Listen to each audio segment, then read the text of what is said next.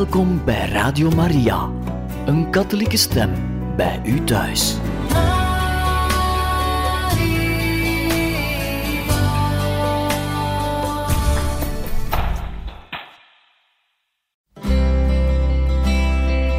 Welkom bij Boekat, een programma van Radio Maria.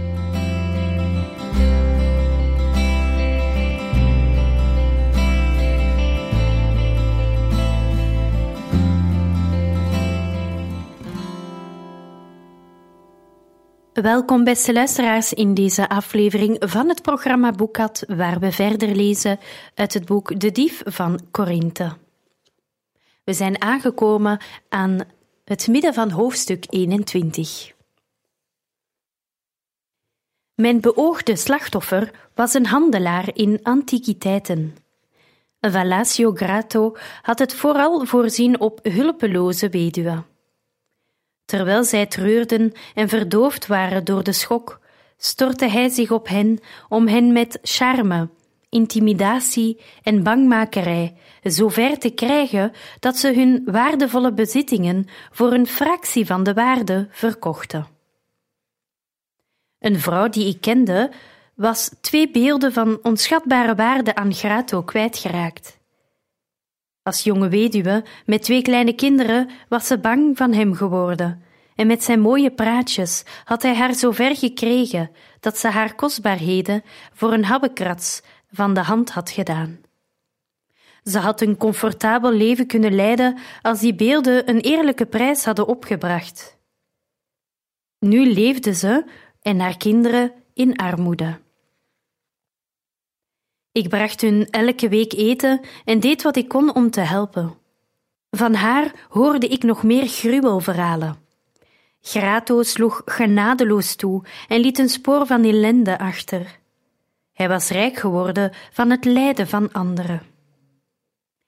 Zijn villa stond twee huizen van de woning van Spurius Felonius, de echtgenoot van Claudia de oudste.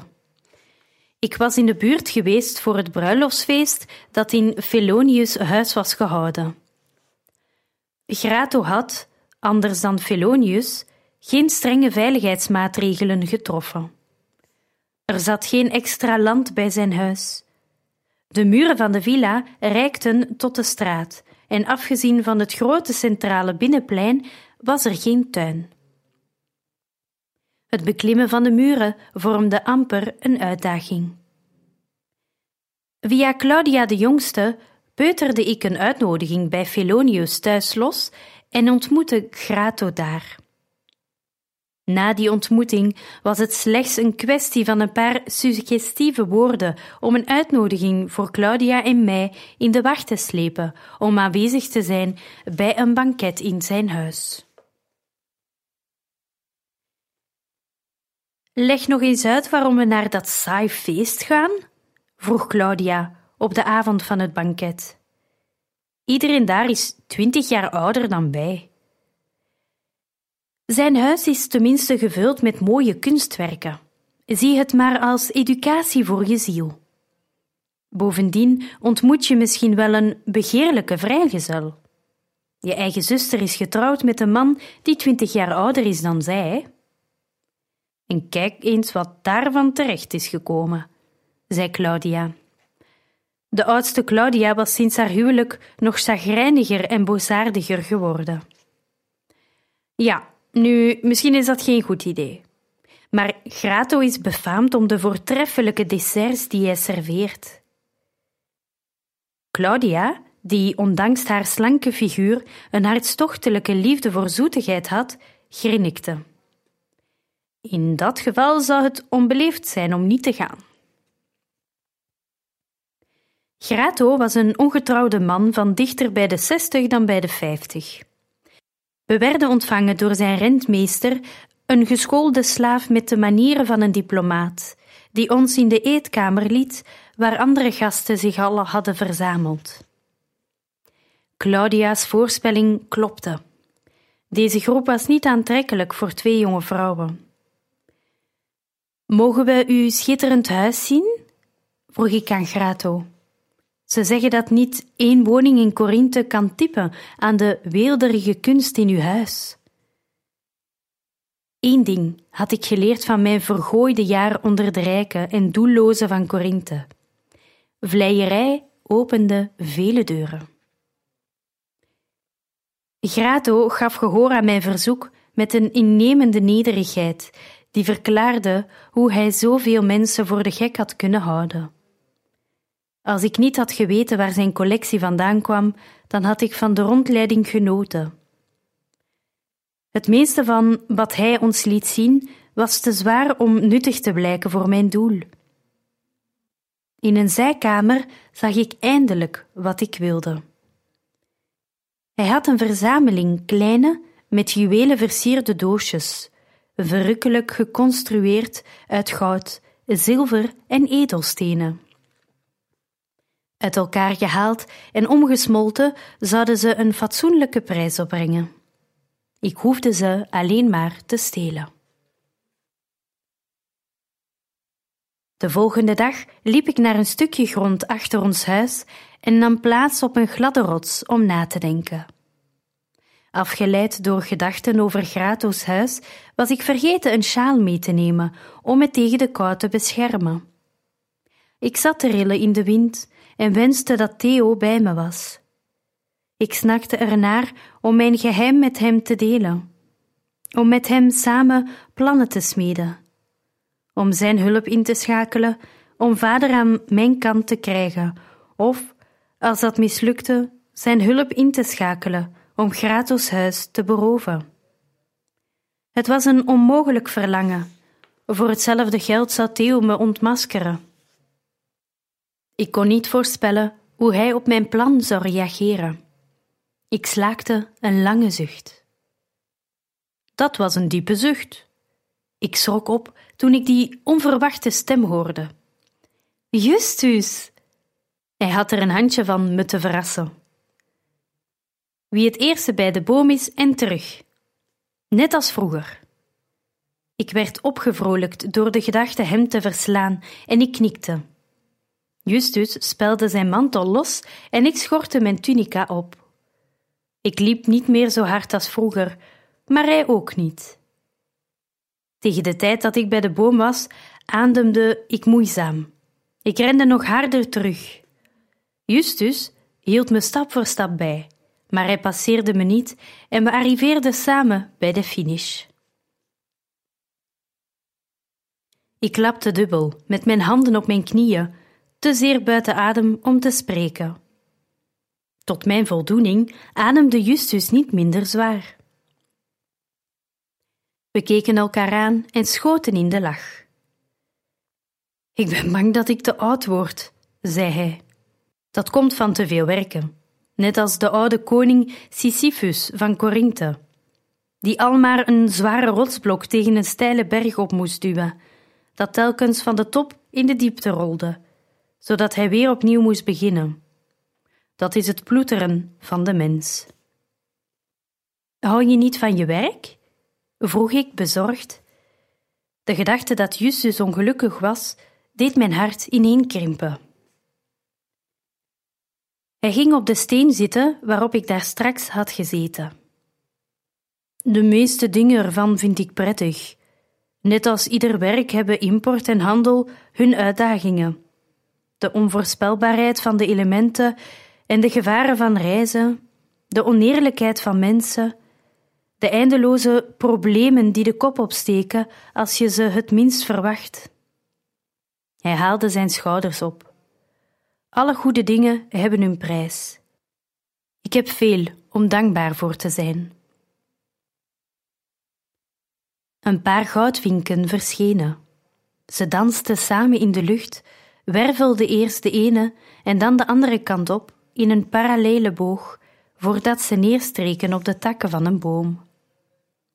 Justus en ik sloegen hun sierlijke bewegingen gebiologeerd gade. Wat prachtig zijn ze, zei ik. Ze doen me aan jou denken. De adem stokte in mijn keel. Aan mij? Aan jou en Theo. Mij en Theo? Kun je dat nog steeds, die rare achterwaartse salto die je vroeger met hem deed? Wat? Ik keek hem ontutst aan. Hij hoorde daar niets van af te weten. Het raam in mijn tablinum kijkt hierop uit. In de zomer wordt me het zicht erop ontnomen door de dicht bebladerde struiken die daar staan, maar later in de herfst kan ik het land duidelijk zien. Ik keek altijd toe als Theo en jij trainden. Ik zette grote ogen op. Dat was privé. Hij lachte. Dan hadden jullie misschien naar een meer geheime locatie moeten gaan. We hadden de indruk dat dit een geheime locatie was. Justus stak zijn handen op. Ik heb geen ruzie met je. Ik wilde alleen maar weten of je het nog kunt. Trots zijn ergernis streden om de voorrang. Het was een geen lange strijd. Trots won met gemak.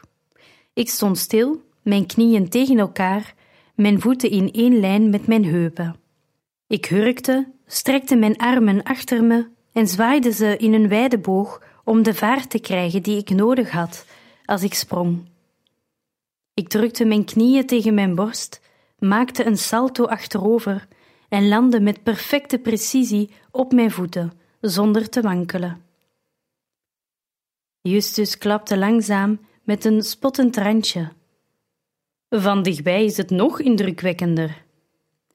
Theo vertelde me over de man uit Kreta, die jullie had geïnspireerd. Heeft hij dat verteld? Pas nadat ik verteld had dat ik van jullie bezigheden wist. Ik weet nog dat ik je een keer in een boom zag klimmen. Hij keek rond en wees naar de knoetstige plataan. Die. Je had even tijd nodig om naar boven te klauteren. Toen hing je met je knieën en kuiten aan een tak, met je handen naar beneden uitgestrekt. Theo pakte je armen en je trok hem op, die enorme kerel, tot hij op de tak naast je zat. Kun je dat nog doen? Ik begon me ongemakkelijk te voelen door zijn indringende toon. Waarom wil je dat weten? Hij maakte een wapperend gebaar met zijn vingers. De donkergroene ogen sloten zich voor me af. Ik bewonder slechts je talenten, Ariadne. Misschien kan ik het nog, zei ik met een slag om de arm. Het is een interessante vaardigheid en zeker niet gewoon. Het deed me denken aan een verhaal die ik laatst hoorde over een beroving in het huis van een Romeinse beambte. Het bloed trok weg uit mijn gezicht. Wat raar, zei ik. Ik reisde naar Delphi. Het was een korte tocht vanwege een onverwachte probleem met een zending goederen. Onderweg kwam ik Brutus tegen. Ken je hem? De man wiens huis een paar jaar geleden bijna beroofd werd. Je hebt er vast wel over gehoord. Heel Korinthe stond ervan op zijn kop. Ik weet het niet. Mijn stem klonk me gespannen in mijn eigen oren. Laat me je geheugen opfrissen. Ik spreek over de poging tot beroving, waarbij de dief bijna gevangen werd in de tuin. De man die de dief nazat, dacht dat hij in het niets was opgelost. Maar een andere bewaker meldde dat hij een medeplichtige had gezien, die met de behendigheid van een bosnimf in bomen kon klimmen, ondersteboven aan een tak kon hangen en met haar blote armen een volwassen man omhoog kon trekken. Justus liet zijn knokkels kraken. Toen ik met Brutus zat te eten in een taverne langs de weg, vertelde hij dat de man dacht dat de medeplichtige een vrouw was. Haar mantel was van haar hoofd gegleden en hij had een glimp opgevangen van een lange vlecht over haar rug. Brutus dacht natuurlijk dat dat onmogelijk was.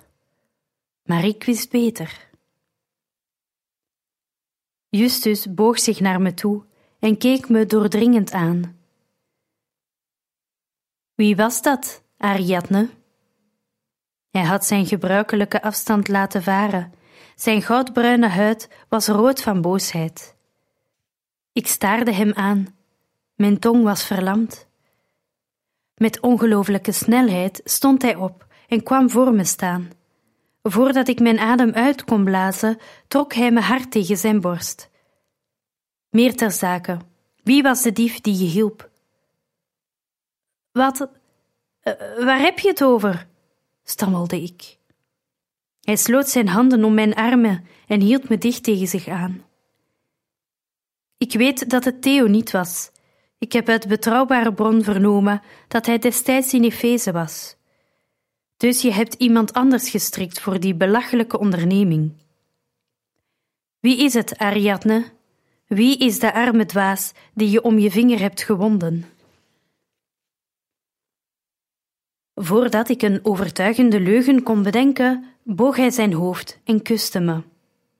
Het was alsof zijn boosheid smolt, alsof hij werd gekalmeerd door de simpele aanraking van zijn mond op de mijne.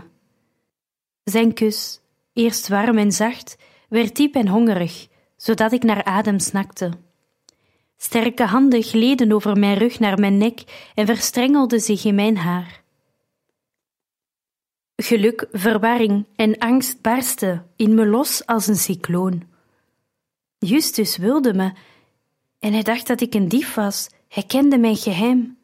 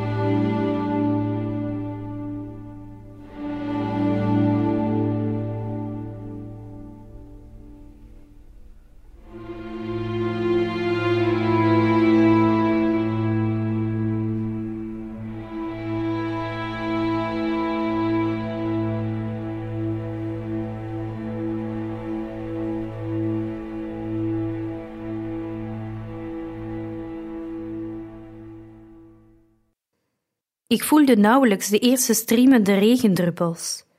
Toen barstte de lucht open en stortte een meer over ons uit. In enkele ogenblikken waren we doorweekt.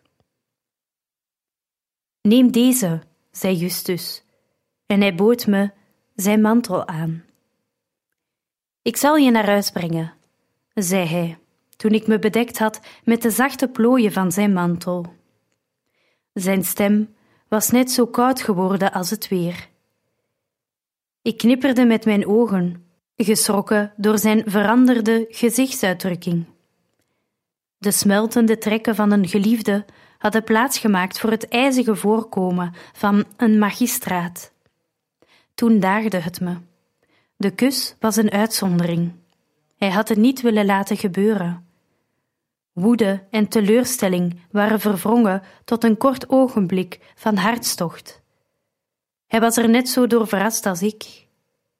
Meer kussen zouden er niet komen.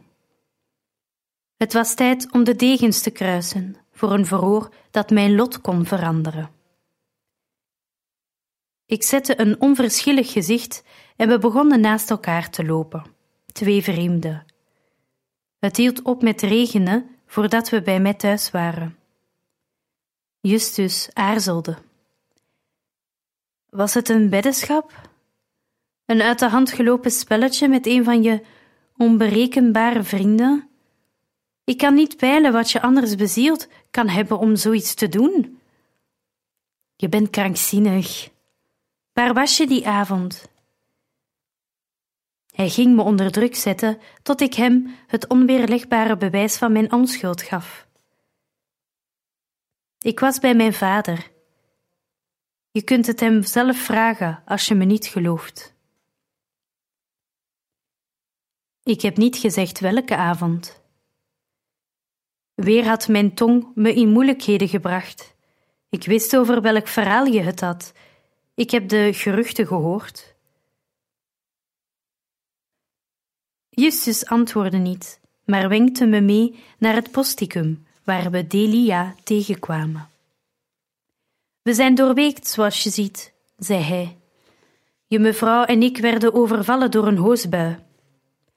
Help haar maar in droge kleren voordat ze kou vat. Ik merkte dat hij geen aanstalten maakte om te vertrekken. Moet je ook niet naar huis om je te verkleden, Justus? stelde ik voor.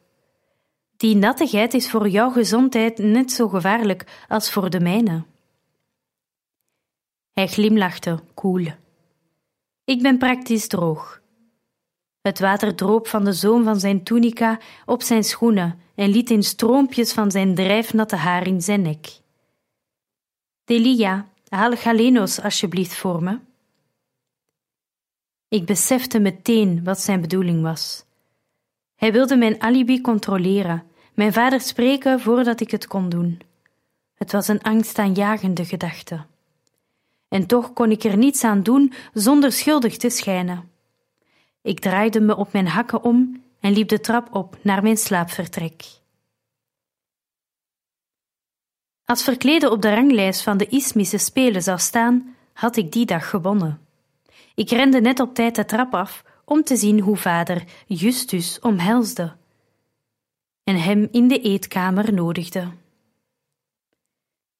Ik vouwde de mantel op die hij me had geleend en liep achter de mannen aan, met de mantel als excuus om me ongenood bij hen te voegen.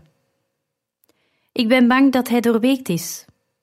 Ik overhandigde Justus het kledingstuk en ging niet weg maar leunde tegen de muur alsof ik een fresco was. Vader stuurde iemand om handdoeken en een schone mantel voor Justus te halen. En neem warme kruidenwijn met extra honing mee. Wat een stortbui, zei hij. Ja. Justus zonk neer op een marmeren bank. Vader keek hem vragend aan. Hij bood een vreemde aanblik druipend over ons meubilair, terwijl hij best naar zijn eigen comfortabele huis had kunnen gaan om droge kleren aan te trekken. Ik heb een vraag voor je, Galenos. Wil je me de waarheid vertellen? Vader sloeg zijn benen over elkaar. Geen spiertrekking verraadde de onderliggende belediging van een dergelijk verzoek. Natuurlijk, de nacht dat Brutus huis werd beroofd. Herinner je je die? Jawel. Wat is daarmee, Justus? Alsjeblieft, Galenos, beantwoord mijn vraag. Was Ariadne die nacht bij je? Mijn vader aarzelde. Hij draaide zijn gezicht naar me toe. Ja. Weet je het zeker? Het is al een tijdje geleden. Ik twijfel er niet aan. We zijn bijna de hele nacht samen wakker geweest. Ik had hulp nodig en Ariadne is bij me gebleven tot de ochtend. Ze heeft voor me gezorgd. Moeilijk te vergeten, zo'n ongewone nacht. Overspoeld door opluchting begreep ik hoe handig vader een ramp had afgewend. Hij had de waarheid gezegd, maar op een manier die mij een alibi verschafte. Zonder te liegen suggereerde hij dat hij die nacht onwel was geweest en ik had hem verpleegd. Justus was in verwarring. Ah, vergeef me mijn onbeschaamdheid. Dank je, Galenos. Hij stond op. Ik kan beter naar huis gaan om me te verkleden. Die natte spullen beginnen ongemakkelijk te worden. Hij knoeide met de natte mantel. Ariadne, wil je misschien zo vriendelijk zijn me naar de deur te begeleiden? Ik liep zwijgend naast hem. Met verwarde gevoelens dacht ik na over de alarmerende precisie van zijn intuïtie. Hij had bijna ontdekt wat ik had gedaan. Voor zijn kussen had ik niet eens woorden. Bij het hek keerde hij zich naar me toe. Mijn excuses, Ariadne. Kennelijk had ik het mis. Kennelijk, zei ik ijzig. In werkelijkheid lukte het me niet om boos te zijn. Doodsbenauwd en bedwelmd van liefde was ik, dat wel, maar ik kon hem de waarheid niet verwijten. Ik. Ik kon geen andere verklaring bedenken. Natuurlijk niet. En het spijt me echt dat ik misbruik heb gemaakt van. van de situatie. Nu werd ik kwaad. Je meent het. Hij wreef zijn nek. Ik had je niet moeten kussen. Ik gooide de deur in zijn gezicht dicht en hoopte innig en oprecht dat die zijn stomme, scheve neus had gebroken. Welke vrouw wilde hartstochtelijk gekust worden om later te horen te krijgen dat het een vergissing was?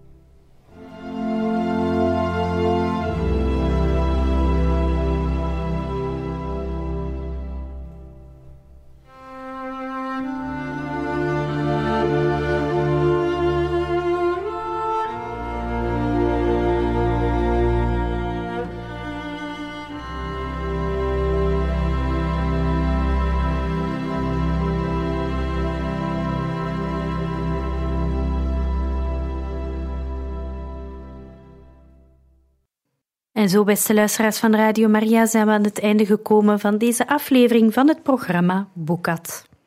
Tot de volgende keer.